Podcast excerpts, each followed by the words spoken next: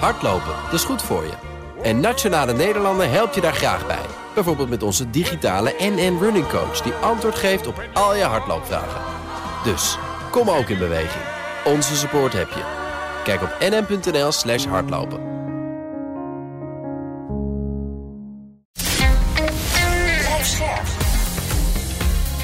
BNR Nieuwsradio. De AEX-factor. Wesley Weerts, Jelle Maasbach. Welkom bij de AX Factor, de podcast voor de slimme belegger. Elke week een nieuwe gast die je bijpraat over beurzen, beleggen en vermogen opbouwen. Bij ons op vrijdag de 13e, jawel, hij durft het aan, Jos Versteeg van Inzingen Gillissen. Om het uh, deze week te hebben over beleggen in medische technologie. Want wat vroeger science fiction was, komt steeds dichterbij of wordt werkelijkheid. Denk aan slimme contactlenzen die kanker kunnen opsporen, onderhuidse chips met erop complete medische patiëntendossiers, zorgrobots die steeds meer taken van mensen overnemen. En natuurlijk geavanceerde fitnesstrackers die de hele dag je gezondheid monitoren. Oh, zo irritant. Ik heb die watch heb ik inmiddels aan de kant Ik hoor dat van meer mensen Ja, inderdaad. Ja, die ja. die rondjes die je moet lopen, Ja, had ik nooit vol. En inmiddels hebben dus ook die grote techbedrijven deze nieuwe goudmijn ontdekt. Bedrijven als Alphabet, Apple, Microsoft en Amazon die maken een opmars in de gezondheidszorg. Voor Big Tech is de gezondheidszorg dan ook big business. En in deze aflevering hoor je hoe je als belegger kunt profiteren van al die innovaties. En Jelle, jij noemde net allemaal best wel futuristische voorbeelden. En ik denk dat dat eh, goed laat zien hoe divers die sector is. Ehm, Jos, wat voor bedrijven vallen er allemaal onder die sector medische technologie? Ja, eigenlijk eh, de, de, de, de brede indeling is de farmaceuten. Mhm. Die eh, dus echt de medicijnen ontwikkelen. En de healthcare, health tech bedrijven. Ja. De bedrijven die meer de apparaten maken. Zoals grote scanners of allerlei andere systemen. Maar dan vallen ook dit soort hele futuristische dingen dan eh, onder. Contactlenzen en, en chips. En, Ja, ja de- die, die, die springen er niet echt uit eh, binnen die sector. Hè. Dat zijn Mhm. vaak kleine, heel specialistische bedrijven. ja. Maar je hebt een aantal eh, hele grote bedrijven die eh, ja, eigenlijk al meer dan 100 jaar bestaan en geleidelijk aan steeds breder zijn geworden. Een van de voorbeelden daarvan is Medtronics. Die kennen we allemaal van de pacemakers. En eh, ja, die bedrijven eh, die hebben een, eh, een behoorlijke positie voor, of, eh, zeker in Amerika. Want dat is, als je het over healthcare hebt, de belangrijkste markt. En, en jij bent, zo heb ik mij laten vertellen, best wel enthousiast over dit soort eh, aandelen. Waarom? Neem ons eens mee in dat, eh, in dat enthousiasme. Ja, die healthcare, kijk, het is een hele aantrekkelijke markt. Eh, we weten allemaal dat de bevolking vergrijst. Mhm. Dus er ko- komen steeds meer kosten voor, voor, voor, voor gezondheidszorg. Ja, daar speelt natuurlijk ook tegenin dat voor overheden dat het steeds duurder wordt. Dus die doen er ook alles aan om die kosten naar beneden te krijgen. Maar ja, veel van die bedrijven die zorgen er ook voor van dat je die kosten ook naar beneden kan krijgen.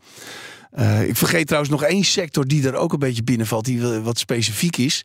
Dat is onder andere United Health, allerlei bedrijven op het gebied van eh, zorgverzekeringen en eh, bedrijven die de efficiëncy in de gezondheidszorg eh, beter maken. United Health is een heel goed bedrijf. Ja, sommige bedrijven bundelen dat ook heel goed. Jelle, straks meer daarover. Ja, en eh, dan hoor je waar Jos in gelooft en waar jij als eh, luisteraar je geld op moet inzetten. En kloppen we straks, als we ziek zijn, ook aan bij die techreuzen, hè, als Google en Amazon. Maar we beginnen met het nieuws dat je deze week niet had mogen missen. Na negen jaar dalen de huizenprijzen weer. Niet zo'n beetje ook.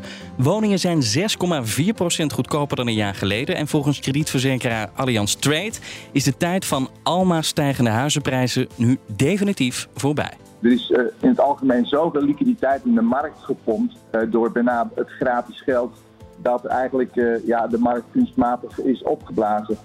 Goed nieuws, er komt geen recessie in Europa dit jaar. Denken althans de economen van Goldman Sachs. En dat is toch inderdaad goed nieuws, want we gingen toch uit van een somber scenario. Nou, dat valt dus kennelijk enorm mee. Jack Ma die heeft de macht uit handen gegeven bij Ant Group. The firm's shareholders agreed to implement a series of adjustments that will see Jack Ma give up most of its voting rights. According to an announcement by the company, Ant Group will give 10 individuals, including the founder, management, and staff, voting rights independently and effectively remove Jack Ma's voting control of the firm.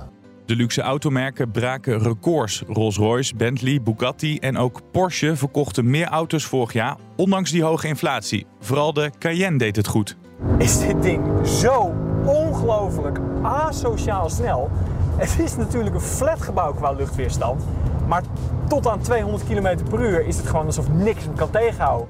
Waar het minder goed ging was bij de Zwitserse centrale bank, want die bank die heeft een beroerd jaar achter de rug. The Swiss central bank just posted its biggest loss in its entire 116 year history. Een verlies van, ja, hou je vast, 132 miljoen euro.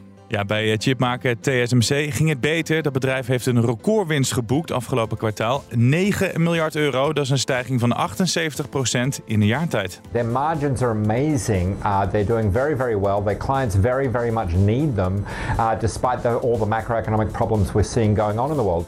En dan een fikse tegenvaller voor Boeing. Aartsrival Airbus blijft de grootste vliegtuigbouwer ter wereld. Wel heeft Airbus nog altijd last van toeleveringsproblemen. Airbus dropped an earlier higher target of around 700 deliveries for the year due to supply chain problems. En zowel de CFO van Aalt Delhaize als die van ABN AMRO stappen op. Het was eh, de week van vertrek. In een week tijd stapten twee CFO's van twee Nederlandse beursbedrijven op. Aalt ziet CFO Natalie Knight voortijdig vertrekken. CFO Lars Kramer van ABN AMRO, die vertrekt onverwacht. Officieel omdat ze toe zijn aan een eh, andere uitdaging, Jos. Maar Knight was pas sinds begin 2020 CFO van Ahold. En Kramer die houdt het al na anderhalf jaar voorgezien. Een beetje open deur, maar dat is best wel kort.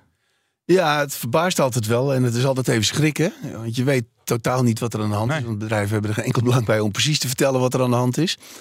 Uh, ja, het, het, het kan altijd twee kanten op zijn. Het kan zijn dat, uh, dat het bedrijf er niet echt tevreden over is. En blij is dat ze, dat ze opstappen. Het kan ook zijn uh, ja, dat, dat ze zo'n zo, zo'n nieuwe topman of vrouw een enorme chaos aantreft. En denkt van waar ben ik terecht gekomen? Ik wil zo snel mogelijk weg. en ja, bij ABN AMRO zag het er dan wat, slecht, wat slechter uit. Omdat het al de tweede keer is dat iemand voortijdig vertrekt. Hè? Precies. Ja. Dat vind ik niet echt een, een goed signaal, moet ik zeggen. Nee, want bij Aaldo zou je kunnen zeggen misschien dat ze klaar is met Nederland. Dat ze hè, de Verenigde Staten mist. Ze heeft echt uh, 25 jaar uit mijn hoofd heeft ze buiten Amerika gewerkt. Ja, in Duitsland heeft ze al in Denemarken. Ja, dus in, in Europa ja. bedoel ik, sorry. Uh, maar dat inderdaad weer een CFO van ABN AMRO opstapt. Dat vind ik toch wel uh, zorgwekkend. Het kan een signaal zijn dat de, de, ja, de zaakjes niet echt goed voor elkaar zijn. En dat iemand zegt van nou, in deze ellende heb ik geen zin om, om, om, die puin, om, om, om dat puin op te ruimen. Het gaat natuurlijk ook niet echt best bij de ABN AMRO. Een hoop problemen gehad. Nou, gelukkig is dat nu wel weer redelijk op het... Uh, op het, uh, op het goede spoor. Je hoort er niet zoveel meer van. En dat is denk ik geen nieuws, goed nieuws bij ABN AMRO. Ja, bij Ahold, ik hoorde onze analist nog wel even over. Ja, die vond het wel jammer. Ze gaf wel een goede indruk. Ja. En dat ze dan weggaan. Ja, weet je, kijk, het is bij heel veel bedrijven gelukkig maar zo dat, ze, dat een CEO of een CFO goed in te ruilen is. Het wordt pas ja, echt, echt heel specifiek als een, als een bedrijf heel afhankelijk is geworden van een, een hele specifieke CEO die er al jaren zit en het bedrijf echt, zeg maar, eigenhandig geboetseerd heeft. Uh, als zo iemand in één keer vertrekt, ja, dat is dan altijd even wat lastiger. Bob Iger bij Disney toen hij weg Bijvoorbeeld, ja, de ja, de, bijvoorbeeld, ja, dat is een heel mooi voorbeeld. Daar zijn we nu nog mee bezig. Het zijn er maar twee, dus we kunnen nog niet spreken van een trend. Maar um, is uh, Nederland nog wel interessant voor CFO's? Is, zijn de Nederlandse beursbedrijven nog uh, genoeg interessant voor talenten? Nee, eigenlijk. Hè. Uh, wij hebben, wij hebben ja, heel veel regels gemaakt waardoor Nederlandse CEO's niet extreme bedragen kunnen verdienen. En dat is ook een van de redenen waardoor de topman van ING naar UBS Hamers, vertrok. Ja. Hamers, Rolf Hamers vertrok. Er is veel gedoe geweest over zijn salaris. En het punt wat daar eigenlijk steeds bij zat, is dat heel traditioneel, de CEO die moet het meest verdienen. En net het echelon daaronder moet daar dan iets, iets onder gaan zitten. Mhm. Mm -hmm. En dan was het dan, en dat snap ik wel hoor, dat het dan lastig is om die mensen te vinden, zeg maar dat, dat toptalent, wat net onder de CEO zit. En uh, zeker voor Amerikanen, die zijn echt gewend veel en veel meer te verdienen. Uh, neem Tim Cook, die, uh, die heeft 40% van zijn salaris ingeleverd en die verdient nu nog maar 41 miljoen per jaar. En uh, ja, dat is, nog, dat is eigenlijk nog niks vergeleken met Larry Ellison. Uh, wat Larry Ellison verdient, die verdient uh, bij Oracle, ik dacht iets van 180 miljoen. Dus dat zijn extreme en dat kennen wij in Nederland niet. En ja, je hoort toch wel de, vaak dat, zeker voor internationals, het lastig is om, om echt hele goede topmensen te vinden. Ja, dus die topmensen die gaan we misschien eerder in Europa vinden dan dat we ze van over de grote Ja. plassen hier naartoe ja. gaan halen. Ja, het was inderdaad de week van vertrek, Jelle. Want ook de Chinese techmiljardair Jack Ma heeft Ja. het niet meer voor het zeggen bij betalingsbedrijf Ant Group. Hij doet een grote stap terug. Nou, twee jaar geleden, weten we allemaal nog wel, hield de Chinese regering die mega-beursgang van Ant Group last minute tegen. Nou, dat gebeurde na een omstreden toespraak van Ma, waarin hij kritiek uitte op de Chinese toezichthouders. En nu geeft hij dus de controle uit handen. Jos, in hoeverre is hier sprake van dwang? Ik weet nog wel, een tijd geleden heeft hij gezegd van als de Chinese overheid vraagt mij het bedrijf over te dragen, dan doe ik dat. En eh, ja, dat zal hij ook niet heel vrijwillig zeggen. Nee. Want hij had natuurlijk inderdaad echt hele terechte kritiek op de Chinese overheid. Mhm. Maar je weet, in China zit altijd eh, de hand van de overheid eh, bij ieder bedrijf. En dat is een tijdje geleden nu ook geformaliseerd. Hè? Kijk, er is veel, heel veel zorgen geweest over Chinese bedrijven. De Chinezen hebben die Chinese fintech bedrijven, maar ook de, de platforms heel hard aangepakt. Ja. Boetes gegeven, zwaar moesten ze saneren. Transparantie moesten ze geven naar Chinese overheid. De Chinese overheid zag dat als een bedreiging. Zeker dat Ant Financial, wat echt een eigen grote, hele belangrijk fi- financieel eh, bedrijf werd. En eh, ja, eigenlijk ging concurreren met de Chinese staatsbanken. En Jack Ma die geeft dus eh, de controle uit handen nu. Wat verandert er precies in het geval van Ant Group? Met Nou, zijn belang is teruggebracht van, ik dacht iets meer dan 50% naar een paar procent nog maar. Ja, 6 Dus hij- ja, hij heeft het niet meer voor het zeggen daar. En wat er ook gebeurd is, is dat er een, eh, een, een, een Chinese organisatie, dat is eh, eh, Cyberspace Administration China, CAC, Ja. die heeft, is nu formeel heeft een 1% belang genomen, zo, een zogenaamd golden share. Waarin zij eh, ja, veel meer rechten hebben en waarin ze uiteindelijk eh, bepalen wat er gebeurt. En als het ze niet zint, dan kunnen zij dus via dat, dat stemrecht, dat 1% belang, eh, de, het beleid van het bedrijf gaan veranderen. Maar is dat En dan is, feitelijk de overheid? ja, dat is, dat is bij Alibaba gebeurd, dat is bij Tencent gebeurd. Maar ook bij ByteDance, de moeder van TikTok. En zo wil, heeft de Chinese overheid nu ge- geformaliseerd uiteindelijk het voor het zeggen bij dat soort bedrijven. En, en die beursgang, want die is toen afgeblazen. Denk je dat met het vertrek van Ma dat nieuw leven ingeblazen kan worden, zoals sommige analisten verwachten? Maar als je een verandering hebt van eh, eh, leiding bij een bedrijf, dan mag je geloof ik twee jaar geen beursnotering eh, aanvragen in, in China. Ja. In Hongkong is dat ietsjes korter, ik dacht een jaar of zo. Dus het kan zijn ja, dat ze dan uiteindelijk volgend jaar toch in, in Hongkong die notering gaan aanvragen. Hoop je dat ook? Vind je het interessant nog steeds? Na alles wat er gebeurd is? Nee, ik, eh, ik, ik beleg niet in China. En eh, wij, ook via het bedrijf eh, doen we heel weinig in China. doen we allemaal via fondsen dan. Ja. Maar direct beleggen in Chinese bedrijven, daar zit een behoorlijk risico aan. Kijk, ze zijn natuurlijk nu enorm goedkoop. En als je naar China kijkt nu, wat er veranderd is. Uh, dus misschien nog even een paar moeilijke maanden met die enorme uitbraak van COVID. Maar daarna, de partijsecretaris van de Public Bank of China, wie kent hem niet, Guo Shu-Qing. Die, eh, die heeft afgelopen weekend wel iets heel belangrijks gezegd. Eh, nou, die heeft dus gezegd dat het fintech-onderzoek dat het min of meer is afgerond. Hè, tegelijk met het nieuws van Jack Ma. Ja. Maar hij heeft ook gezegd dat een gezonde ontwikkeling van die internetplatforms wordt gestimuleerd. En ook dat ze de, de, de vastgoedmarkt gaan helpen. Dus Maar je dat is belangrijk, want dat betekent dat er een einde komt aan die jacht op die techbedrijven. Ja, nee, dat is absoluut dat is heel belangrijk wat er de afgelopen weken eigenlijk in China is gebeurd. Het beleid is volledig omgeslagen. China is open gegaan. Hoezo dan opeens? Nou, ja, dat is wel interessant, want tijdens de, het, eh, hoe heet het, het congres in eh, november, december was dat geloof ik. Toen is eh, Xi Jinping nog heel duidelijk tekeer gegaan tegen, of tenminste heeft heel duidelijk gezegd, dat zero-covid-beleid, dat, dat houden we vast. Ja. Hij heeft eigenlijk het beleid zoals het ging, is die, is die, blijven, is, is die door blijven gaan. Maar hij heeft toen daarna, of eigenlijk toen het congres geweest was, is zijn derde termijn verzegeld. En hij heeft binnen het politbureau de volledige macht gekregen. Allemaal mensen die hem steunen. En nu die, toen hij dat achter zich had, had hij dus ook voldoende macht om ook de, de zaken te gaan veranderen. Kijk, vlak voor zo'n belangrijke beslissing is het niet handig om het roer helemaal om te gooien. Hij opent eerst echt een hele heksenjacht op die techbedrijven. en ja, komt hij ja. nu van terug. Maar speelt daar misschien ook mee dat het even economisch niet zo lekker gaat met China? Nou ja, dat hebben we vanochtend gezien. Hè. Kijk naar de, de import en export in, eh, in China. Dat was echt, eh, export is met 10% gedaald. Dus het gaat niet echt goed in China. Dus, en er waren natuurlijk ook protesten. Maar ik denk wel dat dat beleid, dat het niet goed gaat in China. Dat bedrijven uit China vertrekken. Apple wil er eh, al, al, al weg. Eh, dat dat wel geleid heeft tot eh, veranderend beleid, ja. Ja, ze hebben het gewoon nodig. En dan terug naar beleggen in health tech. Jelle, jij was eh, deze week op de CES, eh, hè, die techbeurs in Las Vegas. Ja, ik heb het inmiddels al 3200 keer gehoord van je. Ook te vaak, ja. Maar er liepen heel veel Nederlandse ondernemers rond. Ik was wel echt als een, als een kind in de snoepwinkel. Ik zag daar heel veel Willy Wortels, de toekomstige eh, Philipsen van deze wereld. Eh, veel ondernemers die zich richten op eh, de gezondheidszorg. Ja, en die uitvindingen bedenken voor die sector. Luister maar even mee. Ik ben David Kat van Olive Diagnostics. We zijn een eh, Israëlisch bedrijf dat begint in Nederland. Iedere keer als je plast, op een hele simpele manier, zonder dat je ook maar iets aan hoeft te raken, kunnen we zien welke moleculen je uitplast. Dat is heel belangrijk, omdat in urine zitten moleculen die relevant zijn voor meer dan 600 aandoeningen. Dus je kan aan urine kan je zien of er bijvoorbeeld een urineweginfectie aan het aankomen is. Of dat je oma, eh, die alleen thuis woont, aan het uitdrogen is een van die warme zomers. We doen dat op een manier die heel goedkoop is. Het apparaat gaat een paar honderd euro kosten. En waar je niets anders hoeft te doen dan je al doet sinds je niet meer in, uh, in luiers plast. Namelijk gewoon naar de wc gaan. Met een heel simpel apparaat dat je op de wc uh, uh, zet. Ik ben Mark van Oldenborg en ik ben van het bedrijf Kepler Vision Technologies. Mijn moeder bijvoorbeeld die heeft 12 uur op een, een koude keukenvloer gelegen. Zonder dat iemand ter hulp kwam geven. En met deze technologie kan je dus zien wat er gebeurt en krijg je een alarm als er een, als er een ongeluk gebeurt of, of iets is waar je, waar je bij je hulp wil geven. Ja, dus AI in de, in de zorg eigenlijk? Het is AI in de zorg. We doen dat uh, in, in verzorgingshuizen. Maar we doen het ook in ziekenhuizen. Een voorbeeld daarvan is bijvoorbeeld als mondmasker of beademingsmasker van een patiënt scheef zit. Dan kunnen wij dat zien. En dan zijn we er eigenlijk eerder bij dan dat uh, uh, de saturatie naar beneden gaat. Zo waren er nog heel veel uitvindingen. Is wel mooi om te horen, hè, Jos, als je dit, uh, dit zo allemaal. ja, is prachtig. Nee, prachtig. Wat voor jou is een toilet die je urine analyseert? Ja, ik zat er al te denken, ik vind dat best goed hoor.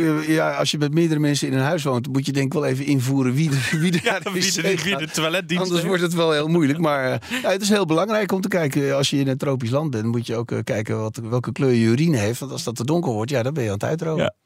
Los van uh, deze twee uh, mooie Nederlandse innovaties, in wat voor soort medische innovatie geloof jij? Heb jij een, een voorbeeld voorbij zien komen de afgelopen maanden of jaren van je zegt, nou, daar, daar, daar, geloof ik wel in. Kijk, iets, iets waar Philips ook altijd veel over zegt, is uh, ja, veel betere uh, thuiszorg eigenlijk. Hè? En, en te technologie waarbij je dus niet meer naar het ziekenhuis, maar thuis gecontroleerd kan worden. En je ziet dat Apple bijvoorbeeld daar heel goed op inspeelt met die Apple Watch.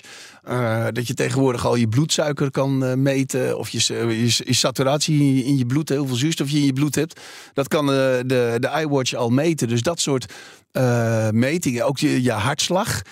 Uh, je, je, hart klopt nooit op een uh, constante snelheid, maar er zit heel veel variatie in. En die variatie is juist wel heel belangrijk om dat te bestuderen.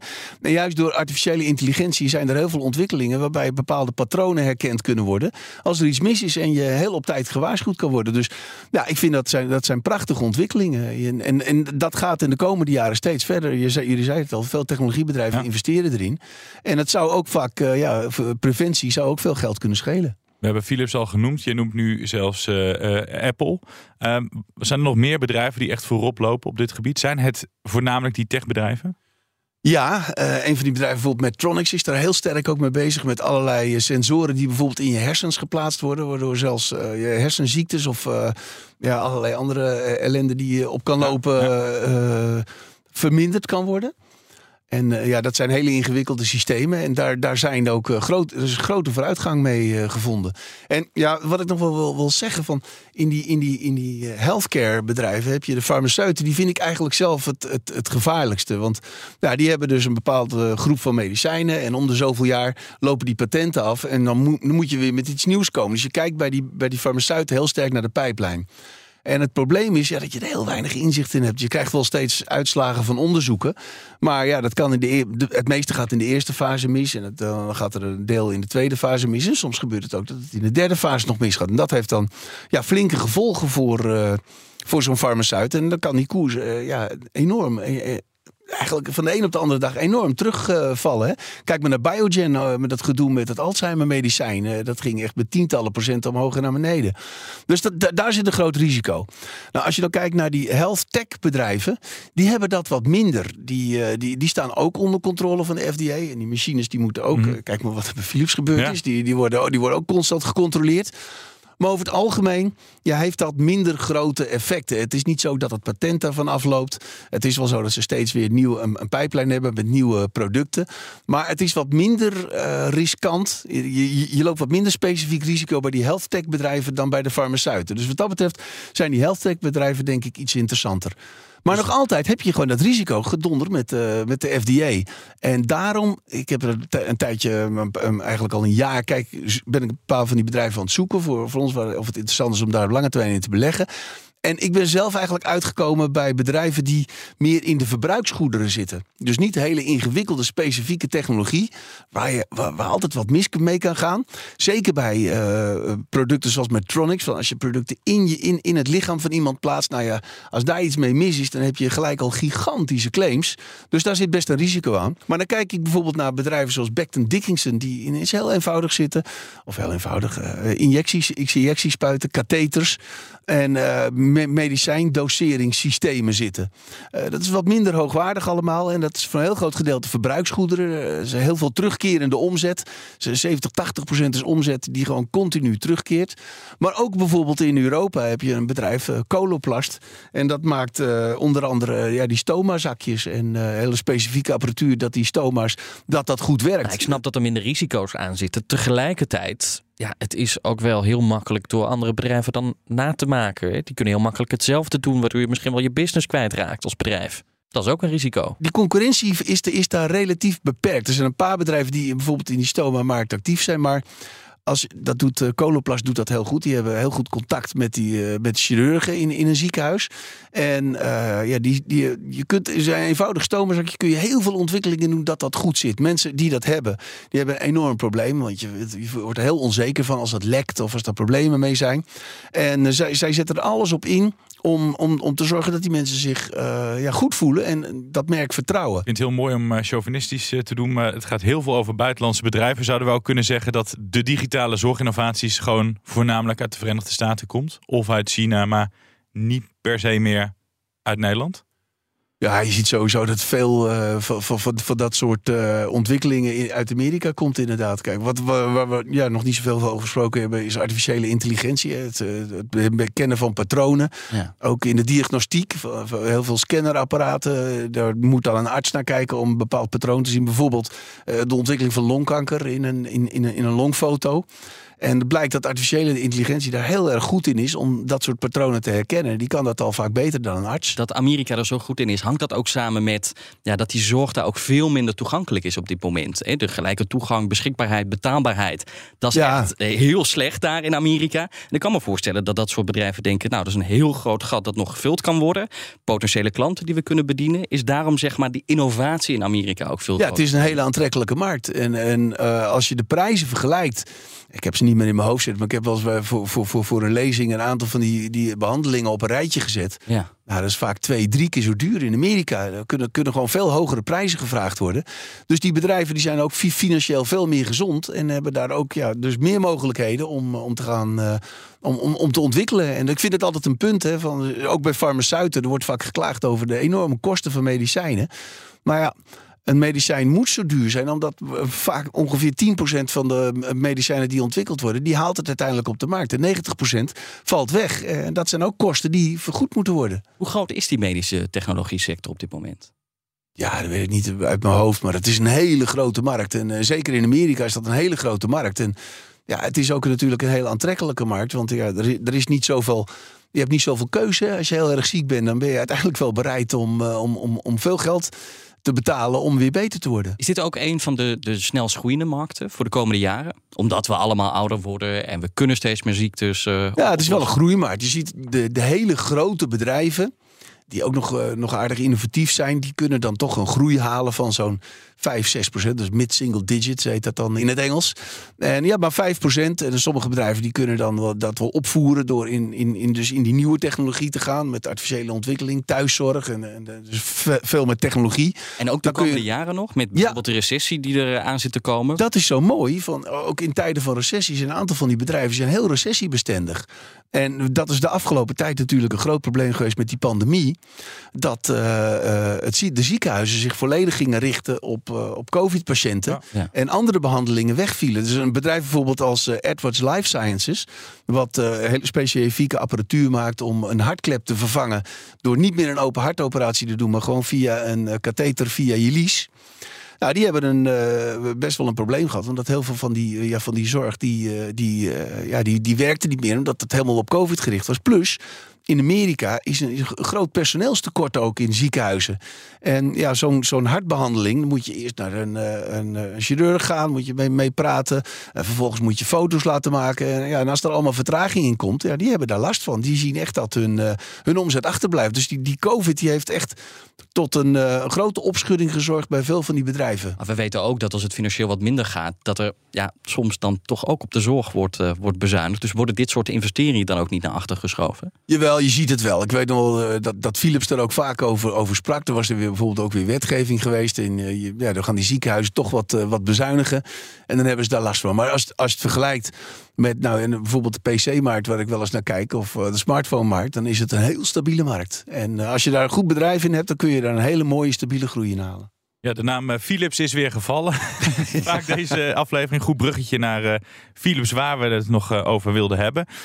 Ja, Jos, de afgelopen twee jaar is er een enorme deuk in die reputatie eh, gekomen van Philips. Zou je kunnen zeggen, zorgtech is een te riskante markt? Dat heeft Philips bewezen? Of Ja, wat ik daarover zeg, van kijk, Philips is, eh, zit een beetje slecht in elkaar. Eh, het, het, eh, ze, ze hebben de zaken niet echt goed onder controle. Als je in die markt wil begeven, moet je een bedrijf hebben wat ontzettend strak, goed geleid wordt. Met een enorm track record, een enorme goede naam. En eh, een hele goede controles. En ook van je toeleveranciers. En dat had Philips gewoon totaal niet op een rijtje. Phi- Philips heeft het niet één keer gehad met die maar voor de derde keer was het. Hè? Dus en als je dan, eh, als je zo'n bedrijf hebt, wat, wat eigenlijk ja, niet goed controle heeft op zijn, eh, op zijn dochters, op zijn, op zijn, helemaal diep in het bedrijf. Ja, dan loop je gigantische risico's. En daar is binnen Philips ook wel voor gewaarschuwd of dat een goed idee was om zich daarop te gaan richten. En nu achteraf blijkt, het, eh, blijkt dat eh, ja, heel erg riskant te zijn geweest. En er zijn meerdere grote eh, health tech bedrijven die diep in de problemen zijn gekomen. Ja, want Van Houten moest bouwen aan dat nieuwe Philips. Dat duurde even, maar op een gegeven moment ging die koers omhoog. Nou, Ja. die is net zo snel als dat die omhoog ging weer, weer naar beneden gekomen. Als belegger is het natuurlijk ook ontzettend moeilijk om te weten of die tent goed geleid wordt of niet. Of dat ze op het goede inzet of niet. Of had je dat als belegger kunnen weten? Ja, ja, kijk, als je, twee, als je twee keer die ellende hebt gehad, een keer met de, eh, de scanners in Cleveland en vervolgens een keer met de defibrillators, Dan weet je, het dan weet je al van, van dat, gaat, dat, dat gaat niet echt goed. Kijk, Philips had natuurlijk ook wel een historie van dat er eh, heel vaak tegenvallers waren. Die kwamen altijd uit een onverwachte hoek, kwamen de tegenvallers. In Amerika hadden ze ook vaak wel problemen. Eh, dat, dat, loopt, dat liep nooit echt lekker. Dus dan weet je wel dat je ja, toch specifieke risico's loopt. En eh, daar moet je dan erg mee uitkijken. En eh, ik ik vind al sowieso met die health tech bedrijven, ja, dan loop je hele grote specifieke risico's. Dus zorg dan dat je echt een bedrijf hebt wat ontzettend goed in elkaar zit. Wat een heel hoog rendement over het eh, geïnvesteerd vermogen haalt. Wat goeie, goed winstgevend is. Wat, wat goed geleid wordt. Een enorm track record. Een heel sterk merk. En dan komen we uit bij welk aandeel? Ja, Becton Dickinson vind ik dan eh, vind ik heel goed. Medtronics heeft ook een hele goede naam. Er zijn ook twee, we hebben, ik heb het hier wel eens eerder over gehad. eh, dividend aristocrats. Hè? Becton Dickinson zit nu in zijn 51ste jaar van continu hoger dividend.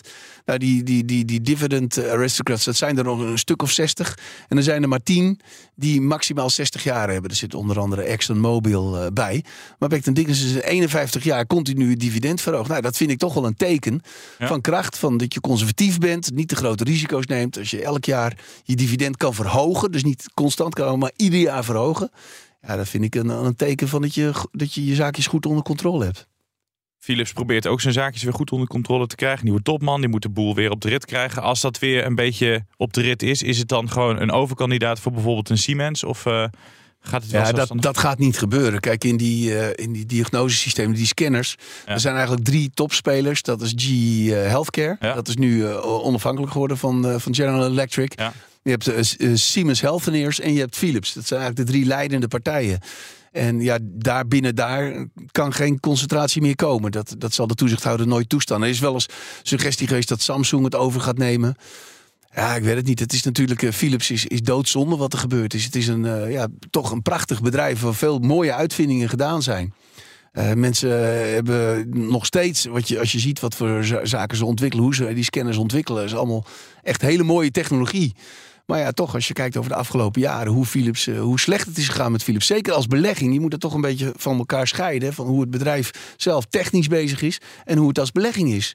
Ja, als belegging is het natuurlijk een, een drama geweest. Nou, laten we dan ook nog even kijken naar die eh, big tech giganten. Eh, Alphabet, Apple, Microsoft, Amazon. Nou, je zei net, uh, Jos, van Apple wel fan te zijn vanwege bijvoorbeeld die Apple Watch. Uh, ze maken allemaal hun opmars in die gezondheidszorg. Maar welk bedrijf loopt wat jou betreft voorop? Dus welke van die techgiganten? Oeh, dat vind ik een hele moeilijke vraag. Is lastig te beantwoorden. Ik, ik ben er zelf heel enthousiast natuurlijk over Apple. Ja, wat maakt het omdat zo lastig? Die, ja, omdat er toch vaak uh, specifieke activiteiten zijn waar ze niet zo heel veel over zeggen. Kijk, uh, Alphabet zelf, die zegt daar heel weinig over. Daar hoor je, hoor je heel weinig over. Bij Microsoft, ja, daar zit het ook ergens binnen de uh, Azure. Mm. Waar ze nu heel veel bezig zijn met data, ziekenhuizen. Maar niet alleen ziekenhuizen, maar ook bijvoorbeeld de, de London Stock Exchange. Hè, waar ze nu die, mee, mee gaan samenwerken. Ja. Dus het zijn vaak ja, vaak een, beetje, vaak een beetje obscure hoek waar ze, waar ze niet zo heel veel over vertellen. Ook in conference calls krijg je er een paar opmerkingen over. Maar echt goed inzicht krijg je er niet in. Maar het is wel, je ziet, elk bedrijf richt zich erop en probeert daar uh, geld in te verdienen. Maar toch, ja, ondanks al die miljarden van die big tech bedrijven, is van een ja, echte doorbraak geen sprake. Je zegt zelf ook, het is vrij ondoorzichtig. Ik weet eigenlijk niet eens precies waar ze zich mee bezighouden op dit moment. Um, hoe komt dat dat er nog geen doorbraak is? Kijk, je ziet in die, die, die, die markt voor wearables van, van, van Apple, dat is toch wel echt een, het begint toch wel echt een groot succes te worden. Ja, maar is dat, is dat een succes gemeten in zeg maar uh, financieel succes? Of is het ook echt een dit is niet echt een doorbraak toch op het gebied van gezondheid? Nou, nee, dat zou je niet echt zo kunnen zeggen inderdaad. Nee. Maar, maar uiteindelijk denk, geloof ik er wel in dat er ja, echt systemen komen die je op je lichaam draagt, die je heel vroegtijdig kunnen, kunnen waarschuwen. Dat er iets met je hart is. En uh, ja, we hebben er eigenlijk nog heel weinig cijfers van gezien. Maar die, die, we staan nog helemaal aan de vooravond ervan. Hè, van die wearables en implantaten en zo. En ja. De, ja, ik verwacht daar op termijn. Nou, zeker door technologie kan, kunnen daar hele grote sprongen gemaakt uh, mee worden. Qua marktaandeel is Apple natuurlijk heer en meester ook op het uh, gebied van die smartwatches. Is, ja. is die voorsprong ook essentieel om ja, het meest succesvol te zijn in die, in die markt? Of zie je ook nog wel andere veelbelovende nou, nou ja, kijk, het Apple is, het, is dat, dat is gewoon zo'n succes. Omdat zij die verbinding hebben met, uh, mm. met hun klanten. Er zijn uh, meer dan een miljard mensen die Apple-apparatuur hebben. En uh, ja, doordat je die verbinding hebt met je, met, met, met, met, je klanten, heb je een, heb je een band. En heb je, je, je hebt de betalingssystemen, heb je, waardoor je dus ja, een, een prachtig platform hebt om dat verder te ontwikkelen. En als jij eh, bijvoorbeeld als derde op, op, speler op de zes komt en je, en je, wil, je hebt een bepaalde specifieke app of iets ja, wat, wat heel mooi is, ja, dan moet je toch bij Apple aankloppen. Die daar altijd zegt van jongens, uh, mag ik er 30% van hebben? Ja. Dus uh, dat geeft zo'n bedrijf wel een enorme macht. En is het dan zo dat het verdienmodel straks vooral zit in het uh, aan elkaar knopen van data? Ik kan me bijvoorbeeld voorstellen dat Amazon, nou die ziet dat je bijvoorbeeld pindakaas koopt, maar ziet ook dat je cholesterol te hoog is. Of ja dat je ja, diabetespatiënt bent. Zo'n minority je... report. Ja, ja, ja, er zit natuurlijk ook, in, en dan kom je in Europa weer uh, in, heel, in het grote probleem. Dat enorme gedoe over uh, privacy. Over privacy. privacy Van uh, ja, je moet dat wel allemaal willen. En nou, de een wil dat wel en de ander is er enorm gevoelig voor. Nou, zeker in Europa. Jij zei echt terecht van die toezichthouder. Dat was het grootste gevaar. Dan zou je kunnen zeggen, in de toekomst is het misschien de privacy gebeuren. Want in Europa, nou, dan mag het een stuk minder. Laten we het daarop houden. Ja, maar ja, goed, als je een bedrijf kan vertrouwen, dan, uh, dan heb ik er zelf niet zoveel problemen mee dat zij mijn data kunnen krijgen. Als ze mij op tijd kunnen waarschuwen als er iets met mijn hart is. Bij de versteegjes is toch altijd een, een, een probleem met dat hart. Oh, ja? ja? ja, ja, dat zit ja. bij mijn oma, weet ik veel. Ja. Dus daar moet je, moet, je, moet je goed op letten. En als, je, als je dan... Uh, ik ben van plan wel zo'n zo Apple Watch te gaan kopen om daar wat beter op te letten. Ja, en word je dan niet bang van dat je de hele die meldingen krijgt? Dat je daar misschien wel ook wel weer Dat hoorde ik dus, dat hoor, dat ik dus van vrienden. We hadden het de afgelopen uh, vrijdag bij een borrel hadden we het erover van uh, inderdaad een aantal vrienden die, die waren daar veel, uh, heel obsessief mee bezig. Ja. Ach, en die zeiden je moet zo'n ding weg. Heb jij er zo een gehad? Je ja? moet er niet aan beginnen. Het is nou, ik let op mijn iPhone ook, want dat ik wel met 10.000 stappen doe en zo. Dus, dat vind ik wel fijn, ja. ja. En, en, en, Amazon, dat vind ik ook wel een mooie. Dat wil een soort van one-stop shop worden. Dokter, kliniek, farmaceut en verzekeraar in één. Ja, dan komt er natuurlijk een enorme concentratie van macht. En uh, dan krijg je weer dat in Europa dat daar veel over geklaagd wordt. In Amerika, ja, dan zou dat heel erg gunstig zijn. Als je alles bij één hebt, dan kun je dingen ook beter structureren. En dat is het grote verschil altijd weer tussen Amerika en Europa. In Europa zeggen nee, wij willen dat niet. We willen niet die macht in één hand hebben. We willen het gewoon niet. En in Amerika zeggen ze prima, als het de patiënt helpt, vinden wij het goed. Als je er maar nooit misbruik van maakt. En daarom hebben ze een goede toezichthouder. Hoe hard is Amazon op weg naar die one-stop shop? Zijn ze daar al bijna? Ja, vind ik lastig te beoordelen. Maar ze hebben natuurlijk wel al die medicijnverkopen waar ze in zitten. Hè. Ze hebben e- enorm veel data van wat mensen kopen. Dus ja, eh, ik denk dat zij wel eh, een heel eind op de goede weg zijn wat dat betreft. Jij bent natuurlijk nog een jonge god, maar Alphabet probeert uh, het verouderingsproces te vertragen of geheel tot stilstand te brengen. Nou, we hebben het net Ja, over, over het horloge. Zou jij, zou jij daar wat in zien? Je hoopt natuurlijk allemaal eh, jong en fit te blijven. Dus, eh, Eeuwige leven. Ja, ja, die, maar- die, die fontein van de eeuwige jeugd, eh, dat verhaal kennen we allemaal wel. Maar Ja. dit, ja, zou dat, zou dat echt gaan werken? Ik weet het niet, maar ze doen er wel veel onderzoek naar. En eh, ja, je hoort de la- de laatste tijd wel eens over successen. Ik, ik weet het niet precies, was een tijdje geleden was een bepaald product op muizen getest... waardoor cellen zich eh, g- gingen ja. vernieuwen Ja. tot, eh, Ja. tot de leeftijd van 60 jaar. En eh, ja, het zou prachtig zijn als we daar mooie vorderingen mee maken. Ja, wat, wat mij een beetje opvalt, eh, is dat we hebben bedrijven als Philips en die zitten, wat mij betreft, associeer ik die met zeg maar, de apparaten in de ziekenhuizen. Ja. Terwijl een Google en een Apple, ja, dat zijn vooral die dingen die je aan je pols hebt. Ja. En eh, die apparaten van Philips, die kom je tegen wanneer je ziek bent. Terwijl Ja. zo'n apparaatje van Google is juist om te voorkomen dat je Ja. ziek wordt. Zit daar nog een verschil in denkwijze tussen, die, tussen dit Nou daar zit natuurlijk wel, denk ik, eh, eh, daar zijn grote voordelen te behalen. Omdat dat, dat soort systemen preventief zijn. Hè? Ja. En eh, ik denk dat we daar met preventie nog een, een heel eind kunnen gaan. Maar is die filosofie ook echt anders tussen die bedrijven? Nou, je zag dus bijvoorbeeld dat, dat Philips wel daar heel erg probeerde op in te spelen. Van, ze, ze hebben dus heel, eh, die, die apparaten in het ziekenhuis, niet alleen de scanners, maar ook op het gebied van eh, bloed, hè, hartslag en, en dat soort zaken. Daar hebben ze ook allerlei apparatuur van. Als je in, helaas in een ziekenhuis moet komen, zie je dat vaak staan naast een patiënt, waarbij je hartslag in de gaten wordt gehouden. En ja, daar zijn natuurlijk heel veel mogelijkheden om, om, om dat ook naar de thuiszorg te brengen. Maar ja, dan moet je wel de omvang en, en de schaal hebben om, om dat te kunnen. En ja, dat hebben heel veel bedrijven niet. Het het lag bij Philips ook altijd heel moeilijk om, om dat echt. Ja, daar hadden ze gewoon de schaal niet voor. Ze, Nee. Kijk, ze hadden wel die positie in die ziekenhuizen. En je kunt dan wat samenwerkingscontracten doen. Maar eh, echt op, op een hele grote schaal. Echt met, met die, die klantcontacten die Apple heeft. Ja, dat, dat was bij Philips natuurlijk ondenkbaar. Dit was het eh, einde alweer van deze aflevering. Dankjewel Jos Versteeg van Insinger Gillis. En nu even parttime eh, dokter Jos. en jij bedankt voor het luisteren naar de AX Factor. Luister ook onze eerdere afleveringen terug. En dat zijn er heel wat, hè Wes? Heel wat. Volgens mij zitten we bijna op 100. Dus eh, je hebt flink wat te luisteren. En ik hoop dat je ook naar eh, onze volgende aflevering weer luistert. Tot volgende week. Hardlopen, dat is goed voor je. En Nationale Nederlanden helpt je daar graag bij. Bijvoorbeeld met onze digitale NN Running Coach... die antwoord geeft op al je hardloopvragen. Dus, kom ook in beweging. Onze support heb je. Kijk op nn.nl slash hardlopen.